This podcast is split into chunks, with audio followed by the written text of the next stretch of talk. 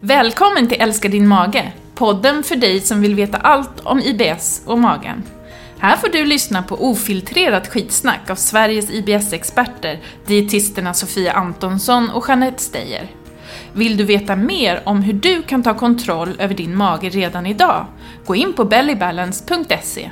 Och glöm inte ladda ner appen Bellybalance, ett ovärderligt verktyg för alla FODMappare där ute. Och nu är det dags att börja älska din mage. Avsnitt 13 av podden Älskar din mage. Välkomna hit. Välkomna! Här sitter vi ensamma inne i Stockholms innerstad. På, I mellandagarna. Ja. Inte så många som jobbar just nu. Nej, Bara vi. Tomt när jag åkte hit i morse. Skönt. Skönt. Ja, och julen har varit? Julen har varit den, bland de bättre jularna någonsin. Nej, det ska jag inte säga. Men en väldigt, väldigt härlig skön jul uppe till fjälls. Där jag lyckades eh, få med mig båda sönerna, stora sönerna och eh, brorsorna var där och respektive och eh, min kära moder. Alla var där, alla höll sams. Alla var där, alla höll sams i en liten fjällstuga. Eh, och snön lyste vit på taken och det var som en, som en jul Så vara. himla- Faktiskt, Ja. Mm. fantastiskt var det måste jag säga. Vad skönt. Eh, många skratt, jag har väldigt tokiga familjemedlemmar. Jag har bland annat lärt mig ett nytt ord som vi ju eh, lämpligtvis kan ta upp i den här podden. Ja. Det var mina söner som lärde mig detta ord. Jaha. Analångest. Oj då. Ja, det handlar tydligen om att man har ätit någonting som är väldigt starkt och eh, och då Mm. känner lite oro för när detta ska komma ut den andra vägen, hur det kommer att kännas. Så, Ja. vet vi det? Det är ju intressant. Ja. Jag har nog aldrig känt en sån. Ja, Jag, vet, jag, tror, jag tror faktiskt om man har varit någonstans och ätit väldigt stark mat eller utomlands och så här, man kan känna att oj, det kanske känns lite i Det kan kännas som att det brinner Ja, i tarmarna om inte Ja. annat. Att man känner att, alltså vissa får ju fysiskt eh, ont Ja. i tarmen när man har ätit något starkt. Oh, men det där var ju ett nytt ord. Har det kommit med på listan? Vilken lista? Den här nya, när de tar in ord i, ja, i den onämnbara listan. Ja, Ja. Tydligen. Där har de hittat det. Så det var ett nytt ord jag fick lära Ja, men mig. inte den, det är inte den riktiga listan. Nej. Nej. Det är en sån lista där alla ord som inte Jaha. passar sig kommer på en Som inte är helt PK. Man lär sig mycket av sina Mm. yngre söner, det är roligt. Ja. Ja men verkligen. Och sen är det ju bra, vi som pratar om att det inte ska vara så mycket tabun med magen och så vidare. Jaha. Och avföring och bajs och gaser och fisar och så. Då är det ju bra att vi även kan ha lite sådana här nya roliga ord som vi kan använda oss av. Ja precis. Och maten då? Blev det någon Börtnan-lax? Ja, vi har ätit min mammas och storebrors fantastiska hemlagade julbord. Jag hade inte ätit någon julmat innan jag kom dit. Och det eh, kändes väldigt bra. Och så får man äta sån här fin hemlagad, bra sill och lax och, och en och annan grönkålssallad fick vi med där också. Kålsallad. Ja. Vi Nej. har ju eh, där uppe i, i Vemdalen där du då var då. Ja. Så finns det ju en väldigt fin eh, laxodling som just heter då Börtnans laxodling. Som jag gärna reklamerar lite för. Mm, faktiskt. De är ja. otroligt god, alltså god lax såklart, men också väldigt bra odlad. Den är ju ganska unik i att, ja jag är inte helt inläst på det här, men alltså jag har faktiskt mejlat dem en gång och frågat vad de matar sina laxar med. Ehm, och eh, det är då eh, bra fiskfoder, det är ingen eh, nermald östersjöfisk, eh, ingen antibiotika etc. Men det är också så att de står i, i rörligt I vatten. älven, ja precis. Mm. Så att de står i rörligt kallt vatten. Så det blir väldigt, laxöring och röding är det väl de har.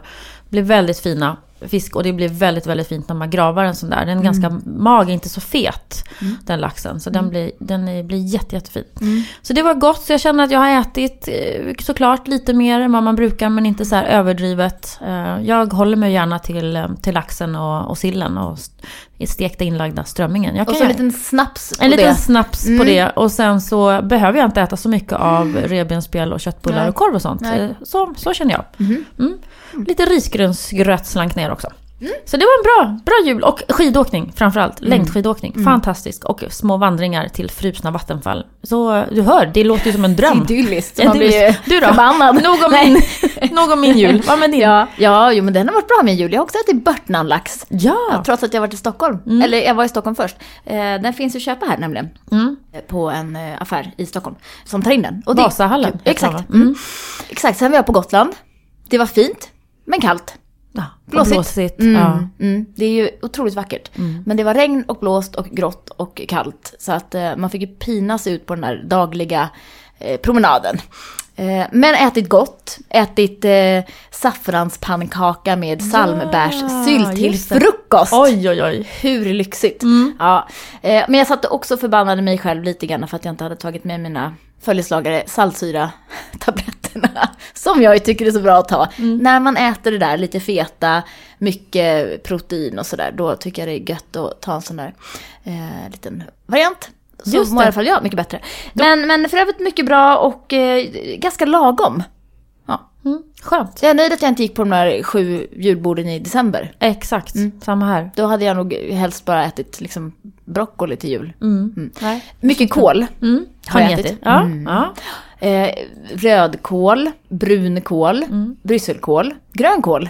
Ja, det var de. Din mage klarar fint alla de kolsorterna. Mm. Verkligen. Mm. Stuvad grönkål är ju, tycker jag, bland det godaste Ja. som finns. Ja. Mm. Så att det blir en, en, en, en ja, kvadrupel i kolsorter kan man säga.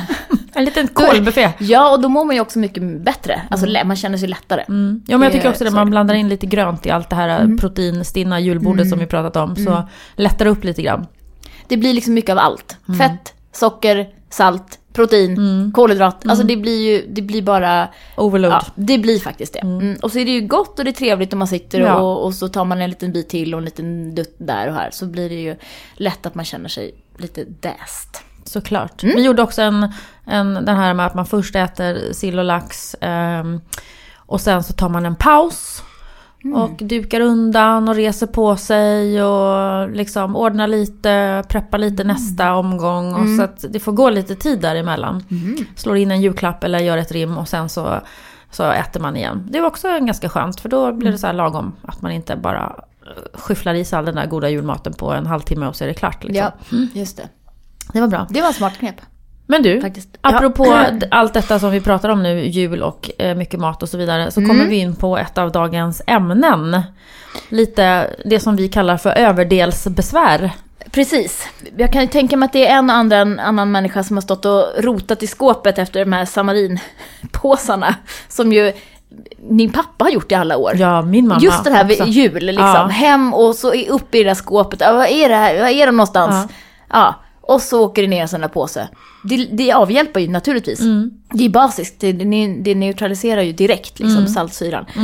Och det är många Men- som känner just när det har blivit för mycket att det, de tycker att det hjälper. Det känns lite lättare. Ja men precis, alltså Mm. det dämpar ju hals, halsbrännan helt enkelt. eh, Och, och den irritationen direkt. Mm. Eh, Men det ger ju istället ett taskigt mm, näringsupptag och mat, dålig matsmältning. Eftersom man sänker saltsyraproduktionen. Eller nivån. Så det är ju kanske, det är, det är bra för stunden. Det är lättare i stunden men på lång sikt så blir det kanske inte så bra. Å andra sidan, tar man en sån här påse en gång om året, ja då eh, må det väl vara så hänt då, Mm. tänker jag.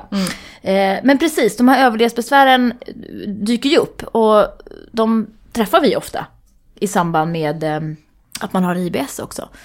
Eh, därför att det, den nedre delen av magen där IBS-symptomen sitter påverkar ju uppåt och den övre delen. Så Precis. att det blir massa besvär där. Och nu när du säger nedre del och övre del så måste jag bara repetera en liten sak. Att vi kommer ihåg att tjocktarmen sitter Ja, eh, ända, den går ju tvärs över magen, ända uppe strax nedanför revbensbågen eller där nästan upp i solarplexus. Ja, går ju den tvärs över magen.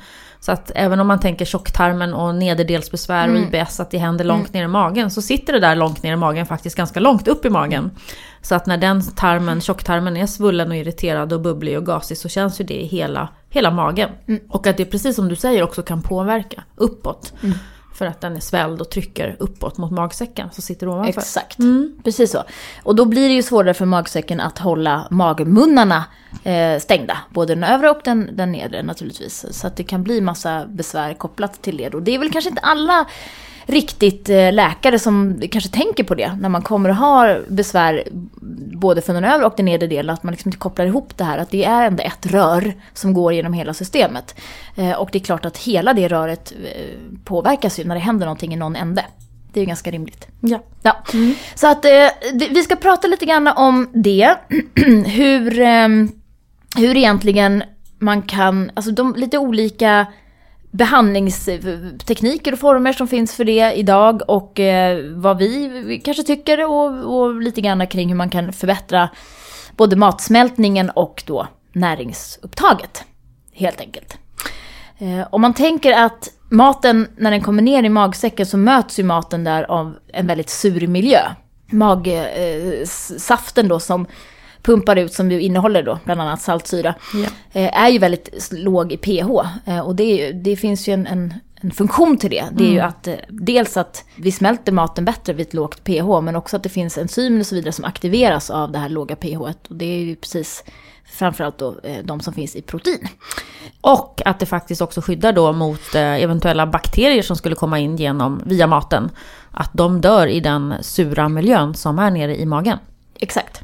Så flera funktioner. Ja, och då är det helt enkelt frid och fröjd så länge man har tillräckligt mycket saltsyra. Då är det ju inga, inga konstigheter. Men det som blir problematiskt det är ju när produktionen av saltsyra minskar. Vilket den kan göra av olika orsaker.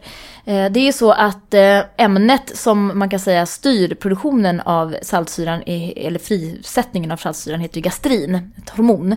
Och ehm, den, det kan ju påverkas då på olika sätt eh, av olika saker och kanske inte frisättas eller skicka de signaler som behövs då för att frisätta saltsyran i sig.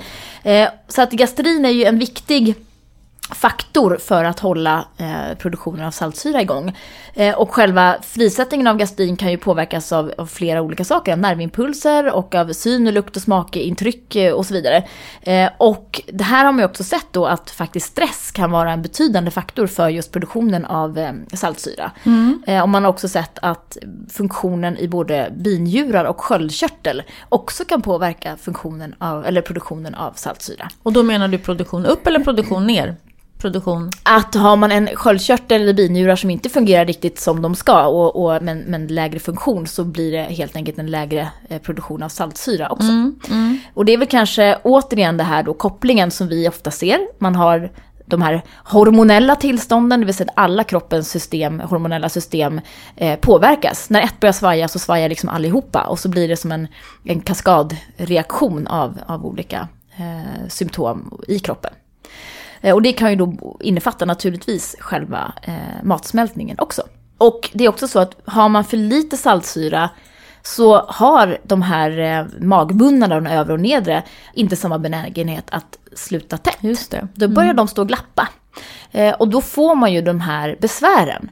Och så tänker man, åh vilken halsbränna jag har, jag har så mycket saltsyra i min mage.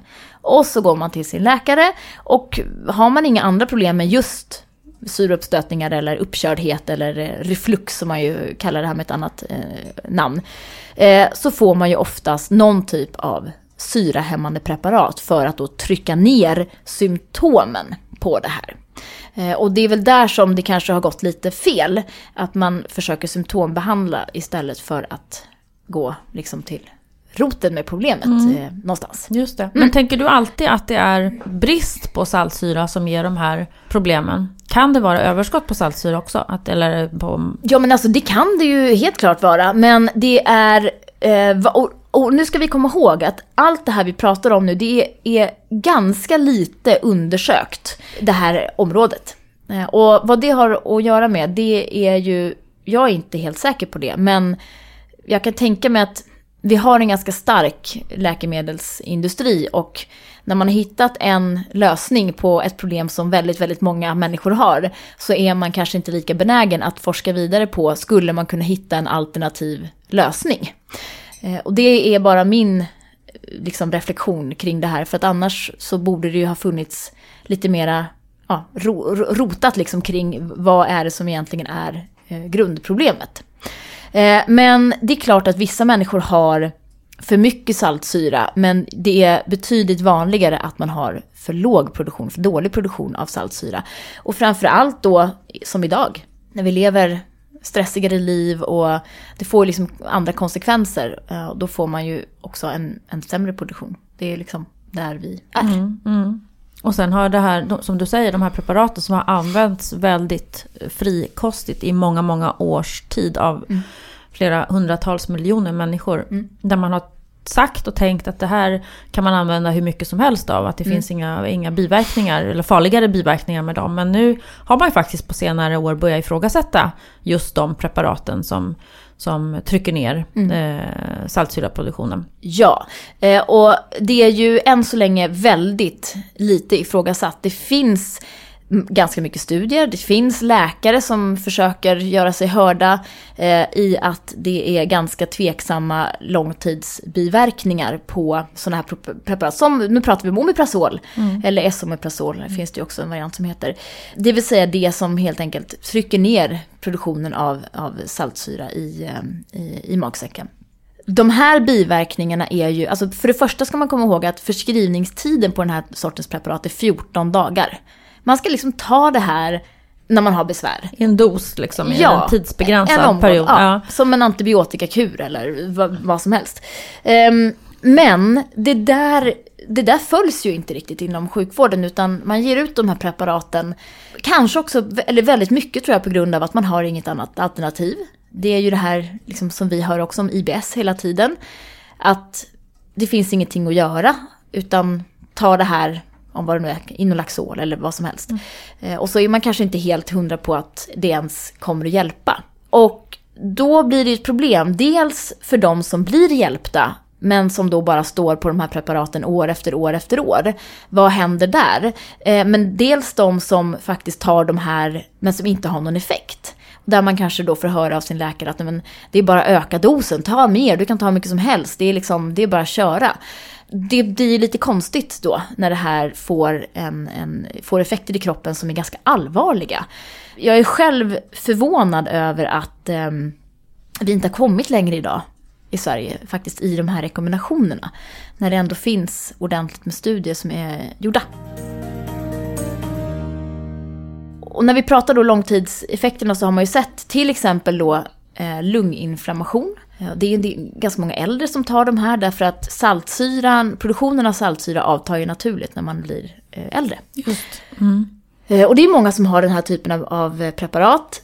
Så att lunginflammation, och det har ju, ber- beror ju på att när man då trycker ner saltsyranivån i magen så finns det ju då bakterier som egentligen ska dö när de kommer ner i det här syrabadet. De överlever ju nu helt plötsligt och börjar då kolonisera eller sätta sig ner i tunntarmen. Och de kan ju också gå andra vägen upp, att de faktiskt börjar kolonisera i magsäcken till och med. Och kan då komma upp eh, via matstrupen och ge lunginflammation. Eh, Man har sett eh, en ökad eh, förekomst av eh, benbrott, alltså frakturer. Och det tror man att eh, har att göra med ett, dåligt upptag av kalcium. Som påverkas av detta Precis. med saltsyra. Ja, Mm. exakt. Eh, och man har också sett tarminfektioner. Och det är ganska tydligt att när förskrivningen av sådana här protonpumpshämmare då eh, ökar så ökar helt plötsligt incidensen av eh, Clostridium-bakterier till exempel. Som vi ju vet kan växa till efter en antibiotikakur. Ja, det är väl det man har sett. Både antibiotika och den här typen av preparat har ökat. Och samtidigt har den här bakterieinfektionen ökat också. Lite anmärkningsvärt då om man Just det. läser den här studien som vi har tittat lite på. Mm, ja, men precis. Och då tänker jag framför allt att har man en mag och tarm som inte är i balans och så börjar man ta sådana här preparat som gör att eh, saltsyran sjunker, det kommer ner ännu fler ogynnsamma eller patogena, alltså mer farliga eller onda bakterier som sätter sig på olika ställen. Då blir det ju ännu värre. Eh, plus att biverkningarna på själva preparaten eh, är ju också uppkördhet och, och gasbildning och diarré Ja, och sådär. precis. Det är just man tänker på IBS då. Att, att en del av dem, eller de bi, bi, ganska vanliga biverkningarna på de här preparaten är eh, IBS-liknande symptom kan man säga. Med eh, uppkördhet och gasig och diarré. Mm. Och eh, ont i magen faktiskt. Så att det kan ju vara värt att, att ha det i åtanke. Just, och har man bara överdelsbesvär och ingen liksom IBS-mage att tala om så tycker jag ändå att, att det är många som uppger att ja, men, jag började med de här tabletterna och då helt plötsligt så blev jag jättebubblig och uppblåst i magen. Och det kan ju ha att göra med att det faktiskt kommer ner bakterier som sätter sig på olika ställen och så får man någon, någon typ av bakteriell överväxt eh, på andra delar än eh, då i, tunn, eller i tjocktarmen där de ska vara naturligt. Eh, så att det, är, det är ju inget trevligt. Man har också sett att hjärt hjärt-kärlsjukdom har, kan, ja, det finns en liten ökning för hjärt-kärlsjukdom helt enkelt med de här preparaten. Var det inte i samband med att, den, att preparaten motverkar de, de medicinerna eh, eller läkemedlen som är för hjärt-kärlsjukdom eller exakt. som man tar när man har det. Som jag förstod det i alla fall. Precis, ja men så är det. Så, så sammantaget så känns det, men de har ju tittat på förskrivningen av den här typen av läkemedel och sett att det är en ganska stor andel som överförskrivs eller som skrivs, förskrivs felaktigt helt enkelt. Och, och där, det finns ju många anledningar till det men, men eh, det är klart att den bristen på alternativ och en ganska stark påtryckning förmodligen från läkemedelsbolag och så vidare. Det här ska vi komma ihåg att det är ju enorma pengar i det här naturligtvis. Och sen kommer ju de här patienterna då till oss och säger hallå, jag blev inte hjälpt av min, eh, min Omeprazol eller vad det nu kan vara. Eh, vad ska jag göra nu? Mm. Och vad gör man då? Ja, vad gör man då? precis. Men, och jag tror också att problemet, just precis som du säger, som är detsamma med IBS, att vi har en stor påverkan av, av eh, alltså det är flera orsaker förmodligen till problemet, men att stress kan vara en stor del av varför det blir så här i magen. Och, och den kan vara då lite svår att, att komma runt och börja och ändra massa saker. Och, och då kan det ju bli ibland då kännas lättare förstås att ta någon form av medicin eller läkemedel man inte står ut Absolut. såklart. Ja. Ehm, Men sen är det ju att de, vissa av de här sakerna då som kan göra att det känns lite lättare också. Kanske är så här lite större förändringar med hur och när och var äter jag. Att jag inte ska äta så sent på kvällen om jag har halsbränna på kvällen. Och att jag, att jag reagerar på fet mat och stark mat och kaffe och apelsinjuice. Och så blir det plötsligt många saker man ska ändra för att kunna lindra symptomen. Men, men orsaken till symptomen då som sagt kan ju vara väldigt olika. Ja, eh, och jag tänker många gånger att det är ju alltså antingen en åldersrelaterad eh, lägre produktion av saltsyra eller så är det stress. Jag tycker i alla fall att vi träffar ju allt yngre och yngre personer som står på de här preparaten. Just. Och jag upplever att varje gång som jag är ute och föreläser och säger ja, de här preparaten ska man ta max 14 dagar. Då bara liksom går det ett sus genom åhörarna för att det sitter alltid ett antal personer där som, som bara tar de här på ren rutin. Eh, och då ska vi komma ihåg att vissa människor behöver ju absolut ta den här typen av preparat. Om man har ett magmunsbråck så kan det vara eh, svårt eh, fysiskt liksom, eller fysiologiskt för, för eh, magmunnen att stänga igen Sluta sig. tätt. Ja. Mm. Då kanske man inte har något val. Eh, Men jag tror att det är väldigt mycket slentrianförskrivning av de här preparaten. Och det är nog väldigt många, upplever jag, som helst skulle önska att de inte behövde ta det här. Om det fanns ett alternativ så skulle jag alla gånger ta det. Mm. Eh, Och sen är det många som inte gillar att ta preparat som man inte har någon effekt av Mm. heller. Vad tänker du att man ska göra då istället? Ja, men det finns ju en, en behandling som inte är vedertagen inom vården överhuvudtaget. Eh, men som ändå är, tycker jag, man träffar ju fler och fler, både läkare och näringsterapeuter och man tittar lite mot USA så där, hur behandlingen ser ut där. Och det är ju, det är ju inget svårt. Det är ju bara att man istället för att, att försöka trycka ner saltsyran så tillsätter man eh, saltsyra eh, genom tabletter och får då eh, en, får upp nivån av saltsyra, magmunnen stänger sig, man minskar besvären, man får en bättre matsmältning och ett bättre näringsupptag och färre bakterier. Ner i tarmen som kan ställa till det och hela systemet balanserar liksom upp sig. Det är inte svårare än så.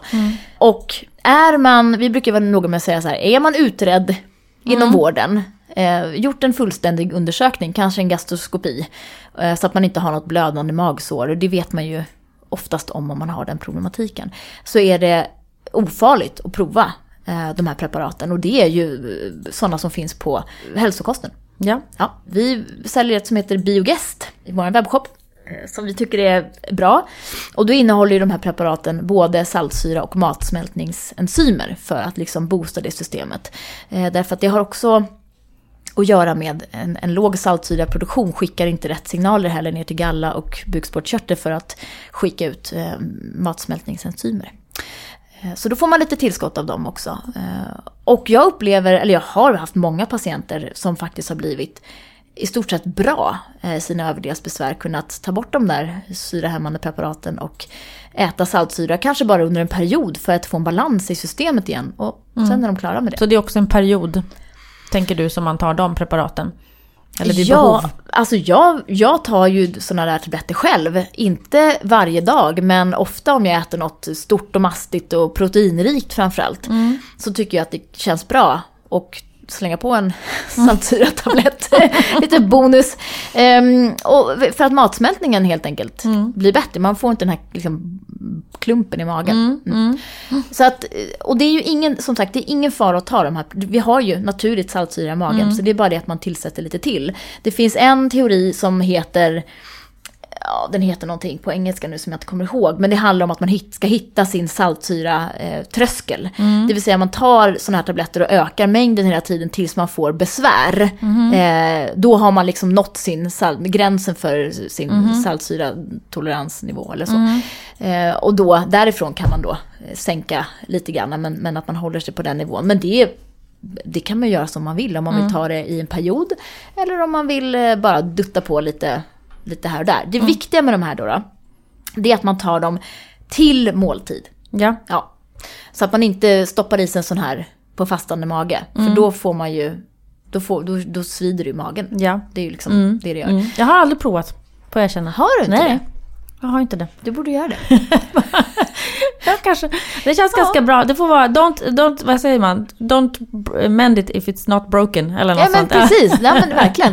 Det, så är det ju. Men jag tänker också att det kanske vore bra för alla människor att ta lite sånt här som bara för att hjälpa matsmältningen Mm. på traven och f- få lite bättre näringsupptag, kanske. Kanske. Så kan det vara. Vi kan ju inte lova någonting, men det här då, man ska jämföra en sån här behandling med probiotika, så tycker jag att här får man ju direkt effekt oftast. Ja, Att ja. man känner så här, men nu har jag ju inga problem med halsbränna längre efter kanske en vecka eller sådär. Probiotikan är ju liksom svårare att Där ska man prova längre tid för att kunna överhuvudtaget utvärdera om man tycker att det känns någon skillnad. Ja, och Mm. det kanske inte...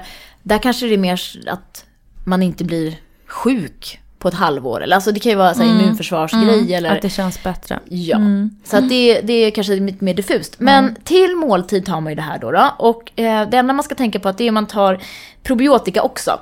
Så ska man ju inte ta probiotika och saltsyra samtidigt. För då dödar man ju bara av onödigt många av de här probiotikabakterierna. Just det. Ja, så att eh, då brukar jag föreslå att man tar probiotikan på morgonen till exempel till frukosten och så tar man saltsyra till lunch och middag. Ja. Mm. Och det kan vara så att man till en början känner eh, ökade besvär. Får man känna efter själv. Är det här någonting som jag liksom kan stå ut med? Eh, får man väl prova en vecka eller två. Eh, det finns de som inte kan leva utan sina saltsyrahämmare. Och då får man börja trixa så att man tar dem lite omlott. Det vill säga att man kanske tar saltsyran till frukost och sen kör man en, en Omeprazol på förmiddagen och så kör man en saltsyra till lunchen så att man lägger dem liksom hela tiden omlott.